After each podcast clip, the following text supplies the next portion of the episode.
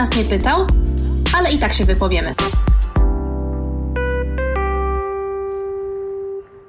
Dzień dobry, dzień dobry. Tu kolejny odcinek podcastu. Nikt nas nie pytał, ale i tak się wypowiemy. I żeby nie przedłużać, bo przecież wstęp na pewno zaraz będzie długi, a propos o czym będziemy dzisiaj rozmawiać, to przedstawię od razu gościa, bo dzisiaj ze mną jest. Cześć, chyba możecie już powiedzieć, że poznajecie ten głos. To jest Twoja stara. Cześć, bum dzieciatki. Bardzo dziękuję za kolejne zaproszenie do podcastu. No ja lubię tutaj Was odwiedzać i się wymądrzeć razem z Wami. Tak, i z tego, co mówią nasze statystyki, nasi słuchacze i słuchaczki też lubią, jak jesteś, więc bardzo się cieszymy. Piotr odwiedził mnie w Poznaniu, więc stwierdziliśmy, że to nie może być tak, że po prostu spędzamy quality time, tylko trzeba oczywiście też odbębnić jakąś pracę i nagrać odcinek. Ale jakie to jest dopiero quality time? To jest dopiero quality time, a same backstage do quality time to jest w ogóle, to jest co innego. Jak zawsze natapczanie w towarzystwie chrapiącej Lindy. Tak, nagrywamy w towarzystwie chrapiącego mopsa i co? No i od razu może do brzegu, chociaż do tego brzegu będziemy oddalać się, dopływać, jak to w naszych rozważaniach jest, przez cały czas. No zaprosiłaś mnie do podcastu, więc wiadomo, że będzie to dryfowanie na Tak. naprawdę niezbyt wzburzonych falach. Ale, Jednak. ale w słoneczku. To się opali, to Tak jest się jego. pali, ale odradzamy opalanie, bo to niezdrowe dla Podobnie. Chociaż ja już trochę tęsknię za słońcem. Jezu, daj spokój, ja już po prostu nie mogę. Ja już po prostu jestem starą osobą, starym człowiekiem i przekonuję się o tym na bardzo wielu płaszczyznach, ale reakcja na pogodę to już jest po prostu, no ja już mogę po prostu, już wiem o czym mówi moja babcia. Więc jakby znalazłyśmy wspólny język po latach. Jak to powiedziała nasza wspólna przyjaciółka, Tak. jest jakaś po prostu teoria spiskowa. Nikt nikomu nie mówi, że po trzydziestce wszystko się zmienia. No, tak jest. To jest teoria spiskowa. A nawet jeżeli oni mówią, albo one o tym, no to my w to nie wierzymy, no bo jak to, trzydziestka?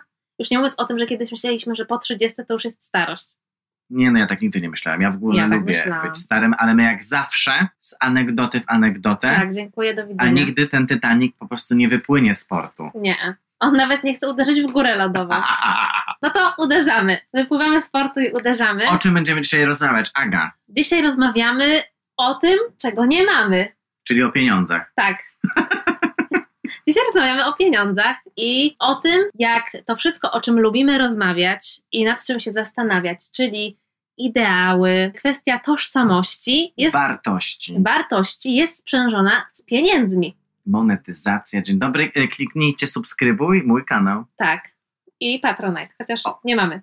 No to jazda z Patronite'em. No to jazda. Jak nie powiemy z czym jazda. Nie. Nie nadaje się to do, do dzisiejszej emisji. Ale bez inside joke'ów, tylko monetyzacja, idee, wartości. To są dla ludzi, którzy pewnie i osób, które słuchają tego podcastu, jakieś rzeczy, nad którymi się zastanawiają. Dlatego poświęcają nam czas. Tak. No to jest istotne, że jest rozmawiamy istotne. o wartościach, o tym, co jest dla nas ważne. No i teraz jak I to jest też przywilej móc się nad tym zastanawiać. Oczywiście. No i teraz jak te nasze ideały, bo takie nazywamy, Tak. jak te nasze idee funkcjonują w kapitalizmie. Tak. Kapitalizm nas dojeżdża. Kapitalizm uśmiecha się do nas złowieszczo z każdej strony. Jesteśmy uwikłani i uwikłane na różne sposoby, z większą lub mniejszą świadomością. No i też w to, co wierzymy, jest również z tym sprzężone. No i to wszystko sprawia, że czasami mówimy so, możemy się albo trochę pobiczować i mówić sobie, jesteśmy złymi feministkami, złymi feministami, złymi lewakami, lewaczkami i w ogóle jeszcze innymi tożsamościami, które sobie możemy tutaj przyjąć, a czasami jest nam po prostu smutno. O tak. Bo ten kapitalizm to jednak nic dobrego, ale jakby No też to jest jedyny system, który znamy. I widząc i patrząc, obserwując to, co on robi z nami jednostkami, to, Tak. co robi z nami społeczeństwami, to, co robi z nami jako systemami na przykład ekologicznymi, biosferami, środowiskiem po prostu, żeby nie używać tutaj zbyt okrągłych słów, no to to jest smutne. no to jest smutne. No i my zabieraliśmy się do nagrania tego odcinka od bardzo różnych stron, bo zastanawialiśmy się, jak to ugryźć. I jednak dla mnie, jako osoby, która tutaj teraz siedzi i mówi o tym wszystkim, no to jednak ten feminizm jest taką ideą, która no jakby jest dla mnie ważna w konstruowaniu mojej świadomości, tego w jaki sposób podejmuję też decyzje. A dla ciebie, w związku z tym, jaką pracę podejmujesz i że ta twoja praca sprzężona jest w ogóle po prostu z byciem aktywistą. Tak. To są po prostu kwestie związane z queerem. Tak, queer i to wszystko, co jest tutaj istotne w kontekście społeczności też osób LGBT, jak ta społeczność jest portretowana i do czego wykorzystuje się na przykład te obrazy. No i co? Najpierw, no to może najpierw zacznijmy od feminizmu. Tak. Bo, bo dlaczego nie? Zastanawialiśmy się, jak to ugryźć, w jaki sposób pokazać to uwikłanie feminizmu i pieniędzy. I, i jakby można rozmawiać na bardzo wielu płaszczyznach. My przy okazji jednego z ostatnich odcinków z Kasią mówiłyśmy na przykład o monetyzacji, o tym, w jaki sposób zarabia na tak. ruchu body positive kapitalizm, jak to wszystko się monetyzuje i jakie to jest wszystko triki. I nawet takie ideały w ogóle, jakby feminizm jako idea też jest monetyzowany i jakby no, produkowanie przez Diora We Should All Be Feminist y, t-shirtów, na które stać bardzo mały odsetek kobiet, no jest jakby jak taką, z jednej strony takim ironicznym uśmiechem, bardzo sarkastycznym, a z drugiej, bo z jednej strony sobie myślisz, że, że what the fuck, a z drugiej strony sobie myślisz, jak powiedziałyśmy to chyba w ogóle z jednych z pierwszych odcinków podcastu, kiedy rozmawiałyśmy o Roxane Gay, wspaniałej pisarce i jej książce I'm Bad Feminist, no to jeżeli takie idee związane z równością i tym, że świat staje się bardziej inkluzywny są monetyzowane, no to hej, nie narzekajmy na to, nie obracajmy tego wszystkiego w atak za każdym razem, tylko po prostu cieszmy się, że takie idee się przedostają. No ale oczywiście to jest jakaś strategia i jest jakieś podejście, którego myślę można się czasem chwycić, ale trzeba zrobić ten jednak checking i trzeba jednak nakuwać to wszystko, o czym rozmawiamy. I to wydaje się bardzo w taki fajny sposób robi Nancy Fraser i ona jest autorką też książki właśnie związanej ze sprzężeniem neoliberalizmu i feminizmu, no ale my na potrzeby podcastu zapoznaliśmy się tylko z rozmową z Nancy Fraser i uważamy, że to jest super. No oczywiście, zawsze mogła być to rozmowa w BuzzFeedzie, ale jednak tym ale razem tym razem wyszliśmy trochę polityczna. dalej. Tym razem do lewackiej banieczki. Tak. No i co? I Nancy Fraser zwraca uwagę na takie dla mnie dwa ważne aspekty, które gdzieś tam są pułapką dla feminizmu, o którym sobie myślimy i o który sobie gdzieś tam roz, rozważamy na różnych sposobach, różne jego aspekty. No i ona mówi o tym, że generalnie taką pułapką feminizmu, którą widzi tego sprzężenia z kapitalizmem jest to, że kobiety zaczęły równać do tego systemu, w którym się jakby, w którym się znajdujemy.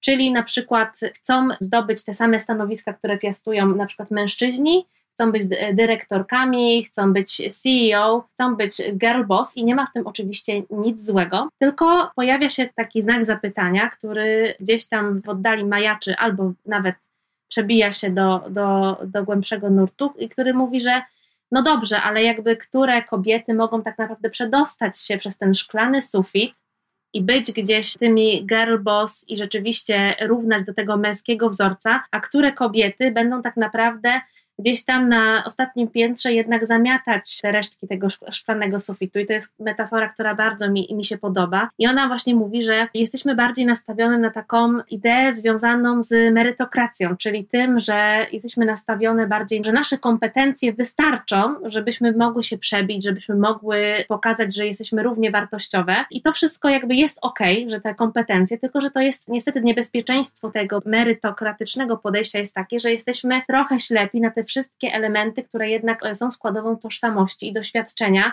którego nie można oderwać od samej takiej w ogóle myśli związanej z kapitalizmem i tego, w jaki sposób uczestniczymy w społeczeństwie. Czyli to są kwestie w ogóle tego, że świat nie jest urządzony sprawiedliwie i nie mamy równych szans.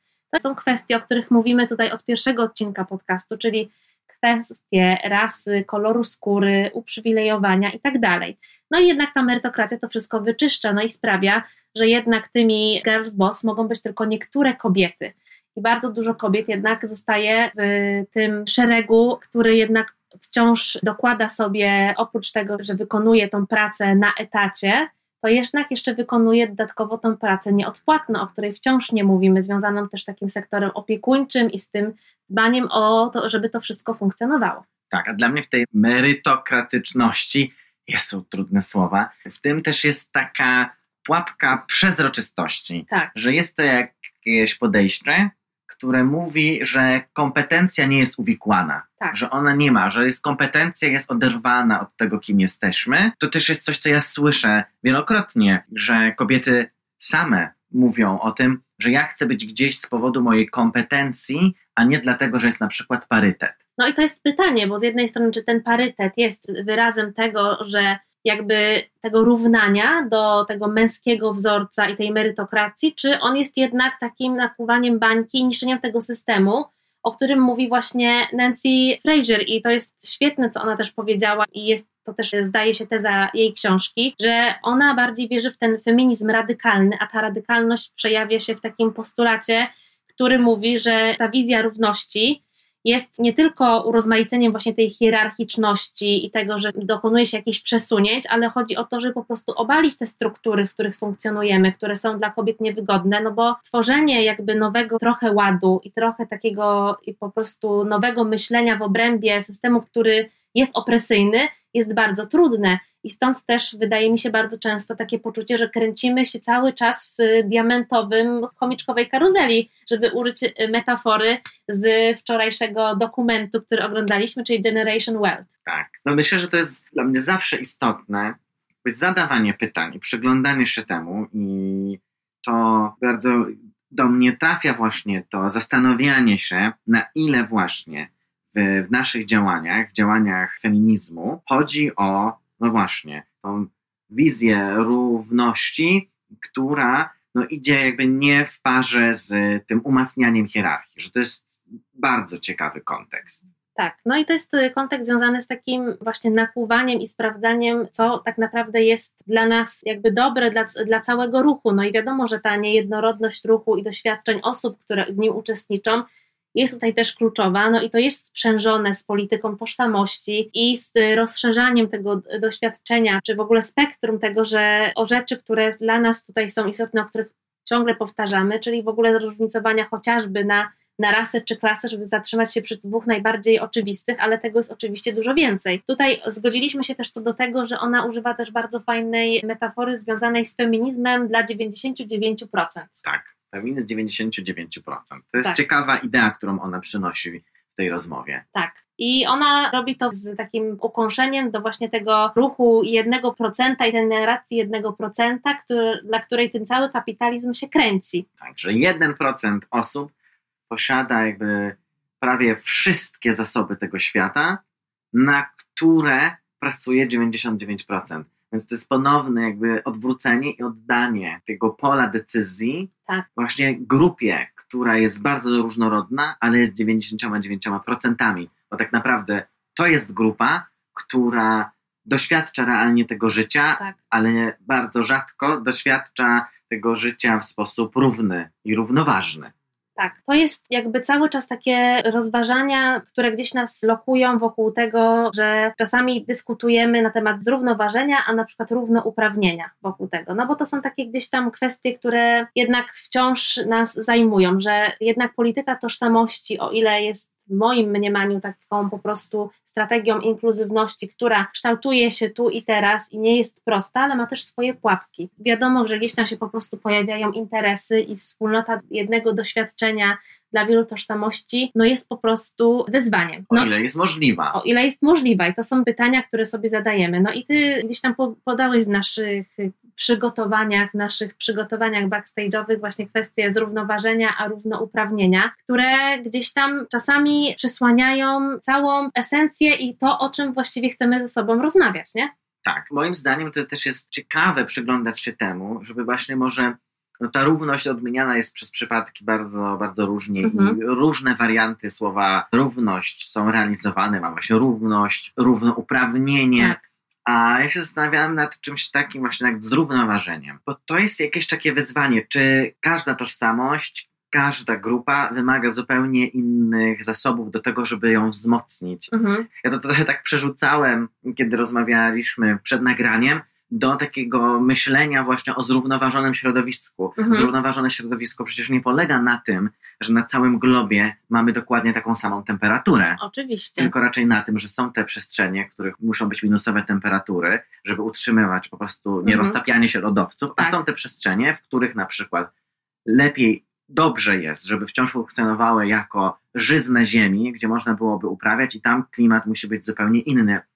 To znaczy, że ta redystrybucja, o Mhm. której też mówi Nancy, jest jakby istotnym, że nie rozdajesz tych samych kart i tych samych ról Mhm. w ramach jakby hierarchii, tylko przyglądasz się zasobom, zasobom społecznym, które Tak. mamy i jak je dobrze dystrybuować, żeby włączać te wszystkie grupy, które powinny być włączone, Mhm. no bo wtedy, jeżeli kogoś naprawdę włączymy, moim zdaniem, to ta dyskusja o feminizmie dla 99%, ale tak naprawdę w ogóle jakby dla mnie, ja może to zbytnie uproszczenie, Mhm. ale dla mnie to jest też takie wskoczenie trochę już ze znakiem równania, że jakby świata dla 99%, że te starania, Mhm. one będą dotyczyły, i to też Nancy mówi w, w tym wywiadzie, że to, co feminizm gdzieś zaczyna i o czym mówi, to też są, to się rozlewa na jakby inne grupy społeczne. I że dobrze jest po prostu podchodzić do tego, że to jest o ekologii, tak, dla, Mhm. dla 99%. Że to jest dla osób LGBT na przykład, tak, Mhm. że z takim podejściu do 99%, żeby to było włączanie. To jest jakby niesamowicie ciekawe, że to są jakieś takie zaczyny do tej takiej zmiany, Mhm. która naprawdę przeciwstawia się temu bieganiu w diamentowym kółku chomika, jak to sama tu przywiązałaś, że ktoś naprawdę musi jakby zatrzymać. No Anna Maria Jopek, niech ktoś zatrzyma wreszcie świat, ja wysiadam. No dzień dobry, Anna Maria nam powiedziała. I jeżeli właśnie chodzi o tą właśnie redystrybucję, która jest w ogóle taką, wydaje mi się, świetnym terminem związanym z tym właśnie kruszeniem tego systemu, świetną taką strategią, którą ona tutaj proponuje, no to ta redystrybucja oczywiście musi się odbywać na takim poziomie właśnie polityki związanej z, właśnie i z ekonomią i w ogóle z tym, w jaki sposób urządzamy te struktury polityczne, czy pracowe, biznesowe i tak dalej, ale oczywiście my byśmy nie byli sobą, gdybyśmy też nie mówili o redystrybucji, też opowieści i narracji. Oczywiście. No i jeżeli chodzi o tą redystrybucję i narrację i to, jak sprzężone są z tym też pieniądze, świetnie to pokazuje naszym zdaniem zjawisko, które wytropiliśmy, nasze spostrzegawcze oczy i do stołu przyniesione queerbaiting. Tak, queerbaiting, czyli taka strategia, hmm, jak ją dobrze tutaj określić. Jeżeli na przykład widzicie nagłówek, clickbait, który wydaje się, że wyjaśnia wam świat klikaczy, to jest właśnie ta przynęta, na którą się chwytacie. Albo coś, co właśnie sprawi, że klikniecie w daną rzecz, albo dalej nie tylko klikniecie, ale kupicie coś, prześlecie coś dalej, podejmiecie po prostu konsumenckie decyzje z Tak. tym związane, bo ktoś na tym wszystkich, na tych klikach zarabia jednak. Tak, tak, tak. I tutaj, no właśnie, połączenie tego baitingu, tego łapania na przynętę z queerem, czyli z tożsamościami, ze strategiami, z opowieściami, z narracjami osób LGBT, to sprzężenie, jak właśnie zarzucać tą wędkę, Mhm. tą przynętę takim kodowaniem, które w narracjach najczęściej filmowych, Mhm. serialowych, w takich, które mają dużą platformę rozpoznawalności, Tak. no to to są takie strategie, które właśnie nam trochę, ale naprawdę trochę pokazują tego queerowego świata, jakiegoś takiego męsko-męskiego, kobieco-kobiecego romansu, jakiejś relacji jednopłciowej, która nie jest nigdy wyjaśniana, a jest to po to, żeby ten queerowy odbiorca, Mhm. ten LGBT-owski odbiorca, odbiorczyni, żeby oni, one się zainteresowali i przysiedli z tym na dłużej, chociaż tak naprawdę nigdy nie zobaczą opowieści o sobie. To jest dla mnie bardzo ciekawe i to sobie w notatkach W notatkach. zapisałem, że to właśnie jest przy tej redystrybucji, Mhm. jakby reprezentacji. Jak oglądaliśmy bardzo ciekawy, myślę, że to do podlinkowania, Tak. bardzo ciekawy o queerbaitingu, taki wyjaśniający filmik na YouTubie. Autorki Sari Z Tak, Sarah Z, bardzo zresztą tutaj będzie podlinkowana. też ciekawie opowiadającą o tym, no to ona mówi, że queerbaiting jest pochodną queercodingu, Tak. czyli takiej strategii, która nie pozwalała, która właśnie jakby kodowała. Kodowała pewne stereotypy i pewne postrzeganie tego, jak wyglądają osoby queerowe, ale tu nie chodzi o to, że one są wyraźnie queerowe, tylko używała to jest odwrotna sytuacja. Tak. Używała queerowych kodów, czyli na przykład no to są takie trudno przenoszalne słowa, jak jakby flamboyant albo jakby ambiguous, czyli te takie, które są przegięcie. O, Mhm. to myślę, że to w polskim jest do dobre słowa. To jakieś takie przegięte kody tego przegiętego mężczyzny, na przykład homoseksualnego, Takie są nienormatywne, niespotkane dotychczas Tak. u bohaterów, do których byliśmy przyzwyczajeni. z jakąś na przykład przesadą, z jakąś emfazą. Takie kodowanie było używane w przypadku, no i ona w tym filmie bardzo ciekawie to pokazuje, że to kodowanie jakby rozbijało się najczęściej na dwie reprezentacje. Tak. Komiczną, czyli na przykład Bugs Bunny, który robi cross-dressing, czyli przebiera się, Mhm, prezentuje się nam po prostu jako króliczka. tak. To jest jeden dla tylko i wyłącznie komicznego efektu. Mhm, A z drugiej strony kody, które w ten sposób portretują wilenów, Tak. które portretują czarne charaktery. I tutaj mamy no taką dużą reprezentację i tu ja się uśmiecham bardzo, bo absolutnie z takiej płaszczyzny Mhm. ekstremalnej widoczności, bo to są kody, które były wykorzystywane przez twórców tego renesansu Disneya. Urszula w Małej Syrence, Skaza w Królu Lwie, Hades w Herkulesie. Te postaci są bardzo jakby zakorzenione w tym, jak wygląda to mainstreamowe wyobrażenie o właśnie takim przegiętej osobie, tak? mhm. No to było bardzo niebezpieczne w tym queer codingu. Oczywiście, no bo masz y, jakby tylko dwie wizje, że albo ktoś, kto jest po prostu zły, albo ktoś, kto jest śmieszny. Tak, ale też nigdy nie nazywasz tego, że o, to jest po prostu tak, że to jest, nie wiem, gej, o, że to jest lesbijka, tylko zostawia się to bez wyjaśnienia i potem, obserwując i partycypując w świecie, gdzie takie osoby istnieją, o takiej, mówiąc takie osoby, mam na myśli osoby o, o takiej ekspresji Mhm. istnieją, no to one zostaną absolutnie zdekodowane Tak. przez to, że okej, to ty jesteś taki jak po prostu ten negatywny charakter. Mhm. I potem jakby przychodzi zmiana, no bo zmiana jest realna. Ona przychodzi. Narracje się pojawiają. Osoby LGBT pojawiają się w coraz większej reprezentacji. Tu pojawia się ten queerbaiting, który no właśnie łapie.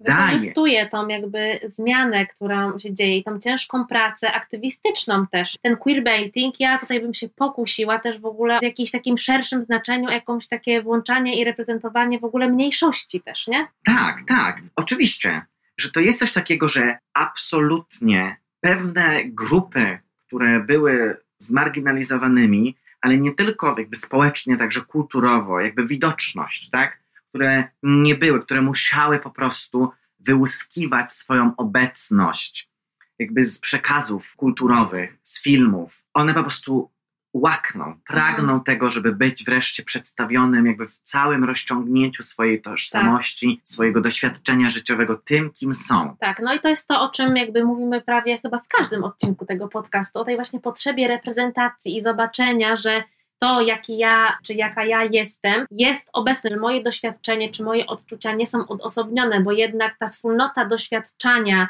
i tego, że nie czujesz się wyobcowany w świecie, który jest bardzo różnorodny, który jest bardzo szybki, no jest po prostu no, kluczowa tak naprawdę i to można zobaczyć w bardzo wielu przykładach, bo wydaje mi się, że chyba już kiedyś też wspominałyśmy o tym, że na przykład gdyby taki podcast o Kuniewskiej był w latach 90.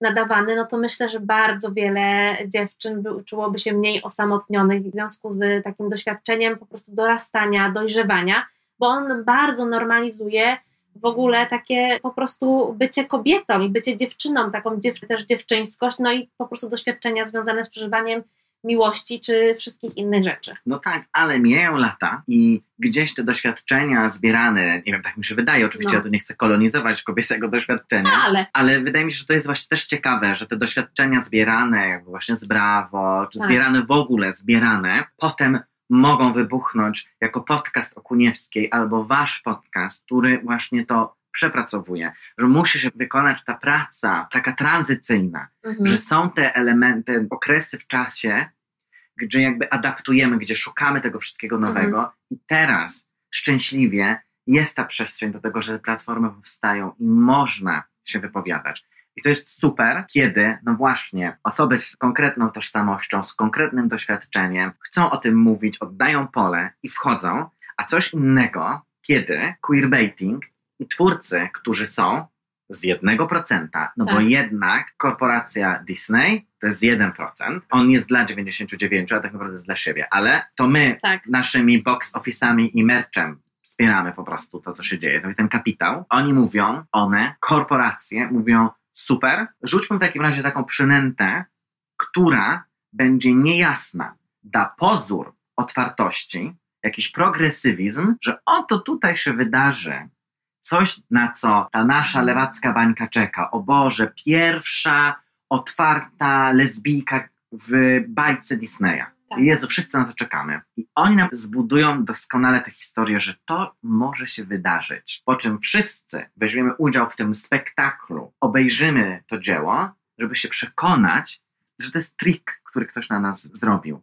Że my tego nie zobaczymy i że to będzie oparte tylko i wyłącznie na naszej potrzebie, żeby to zobaczyć. Tak, na tym głodzie opowieści zróżnicowanej. Dokładnie. I albo na przykład ten element będzie tak mieszany Mhm. i manewrowany, że będzie on w ogóle nieznaczącym elementem na przykład dramaturgii. Mhm. I tutaj bardzo ciekawy przykład na Sarah Z przynosi a propos też jakby reklamowania produktów, Tak, czyli Riverdale, tak. Serial Netflixowski. tak, który jest dużym tytułem, który jest oparty na też takim komiksie o przygodach Archiego, który ma w sobie takie queerowe kody. W tym trailerze, który zapowiada w ogóle sam serial. tak, jest pocałunek dwóch bohaterek. Tak.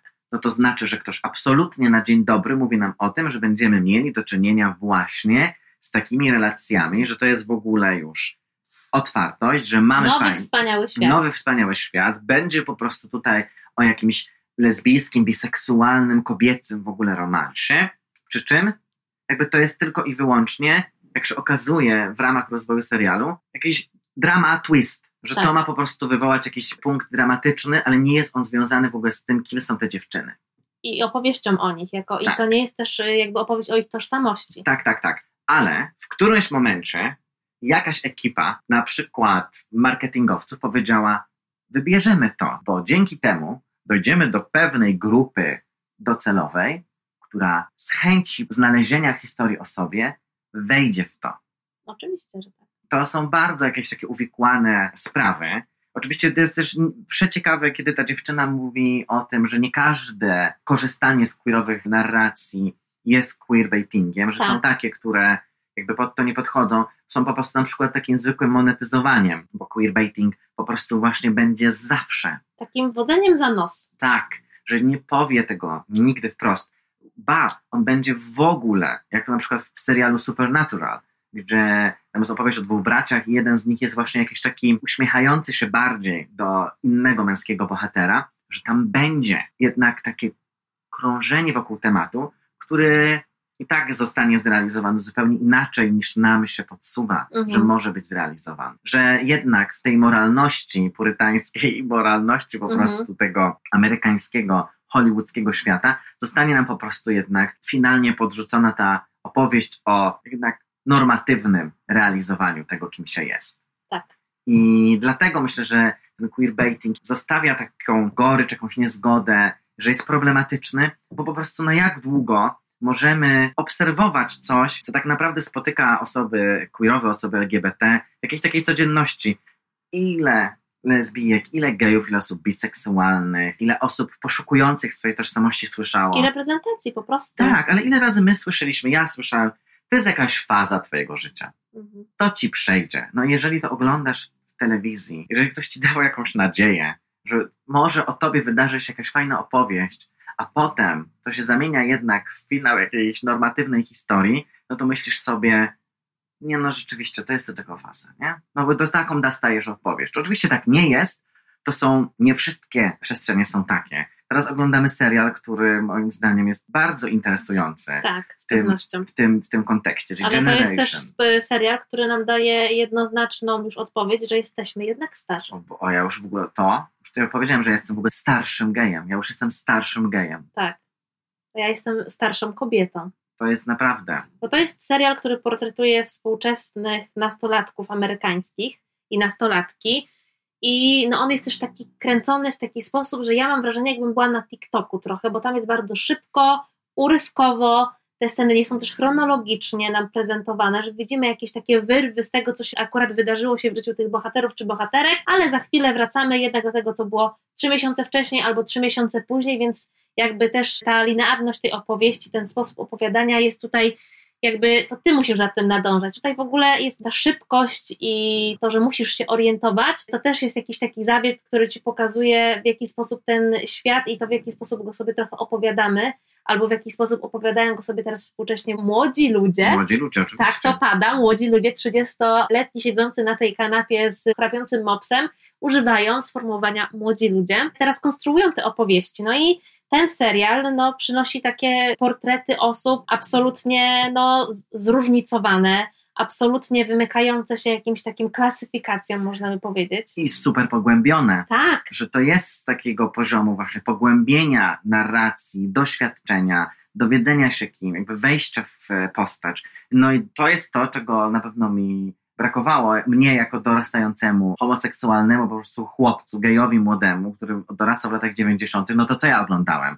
No to jedyny gej, którego znałem, to był po prostu z dotyku anioła umierający na AIDS. Tego się dowiedziałem o tym, kim są geje. Tak. A to możecie posłuchać w Twoim e, odcinku podcastu, który jest poświęcony też temu doświadczeniu, sprzężonym z doświadczeniem tego, w jaki sposób się konstruuje i konstruowało opowieść o HIV tak. i AIDS. Więc tak. bardzo polecam, bo to jest świetny odcinek. Tak, bo Agnieszka rzadko wspomina o tym, ale więc ja muszę tutaj wspomnieć, że jestem także podcasterką. Ja bardzo rzadko o tym wspominam, rzeczywiście. W każdym opisie mówię drag performerka i podcasterka. Jest to naprawdę? Tak. Czyli teraz wychodzi, że jestem po prostu... Ty jesteś attention horn. No że jestem po prostu natęta. No raczej. Nic nowego. Nic nowego. Chcesz jeszcze coś powiedzieć o Generation?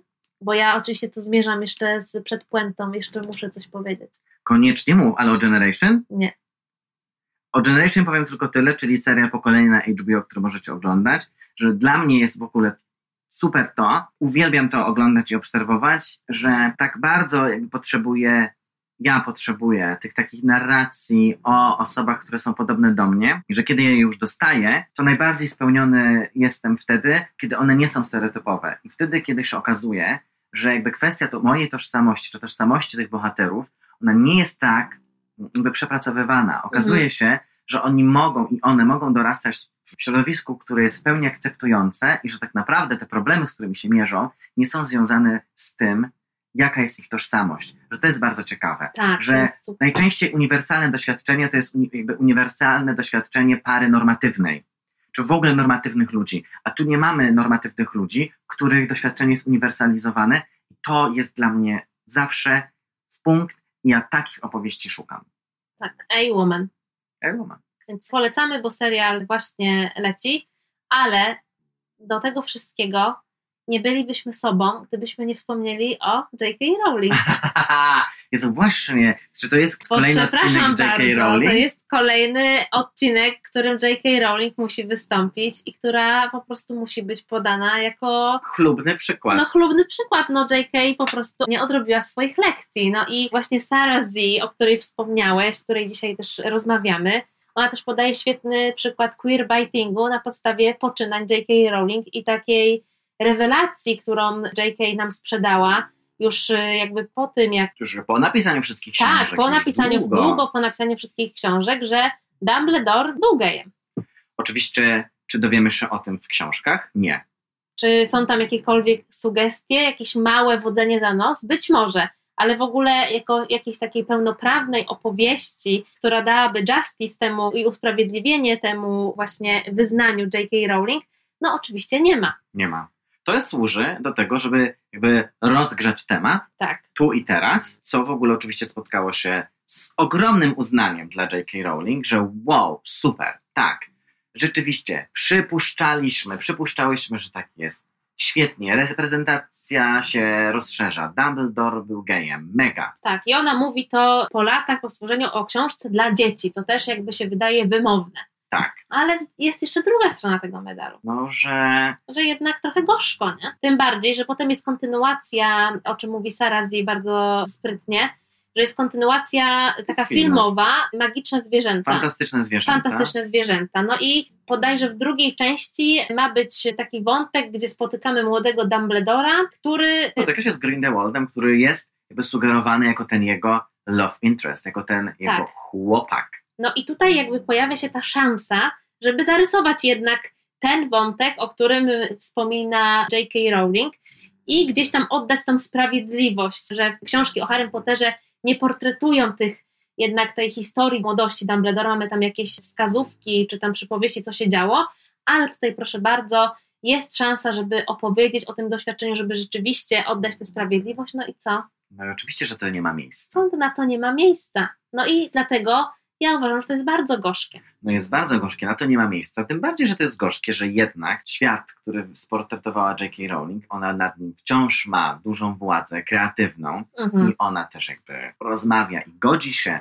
na pewne narracje, które są podejmowane w ramach tego świata. To jest jakby ciekawe, że ona jest obecna przy tworzeniu tych filmów z serii Fantastyczne Zwierzęta, czyli no generalnie pamięć Złotej Rybki. No dzień dobry. Tweet sprzed tam kilku lat już, już nie jest istotny, jeżeli chodzi o ogromną produkcję Warner Brothers. No dzień dobry. I trudno nie połączyć tych kropek. no trudno nie połączyć tych kropek, ale z drugiej strony jakby wrzucenie też tego tematu, tego właśnie to queerbaitowanie, że Dumbledore jest gejem, tworzy tak duży szum i baz w społeczności fanowskiej, że jakby sam internet zaczyna tworzyć mnóstwo treści na ten temat. Tak. To znaczy, że ten temat Pottera i tego świata, tego kim są osoby z tego świata nigdy nie gaśnie. Fanfiki się kręcą, Tak. alternatywne opowieści na ten temat wciąż się kręcą. To znaczy, że wciąż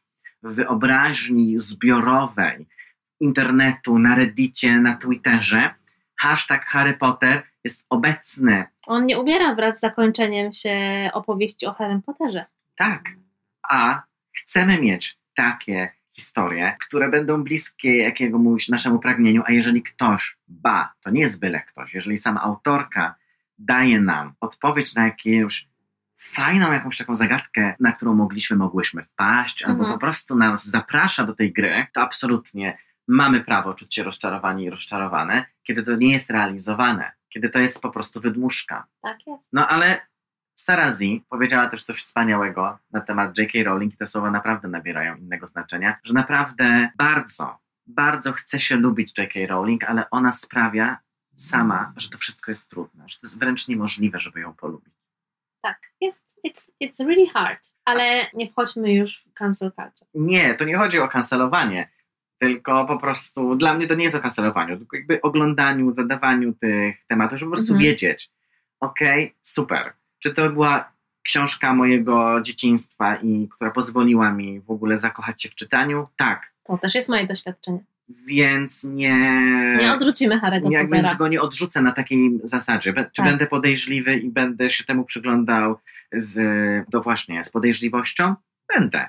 Ale to jest ze mnie i z mojego doświadczenia po prostu Potteromania. Potteromania. Ale to też jest myślę, że przy tym takim temacie właśnie sprawdzania, szukania, co było, jakby skąd się co pochodzi, to tutaj jakby kolejny potentat się pojawia, czyli Disney.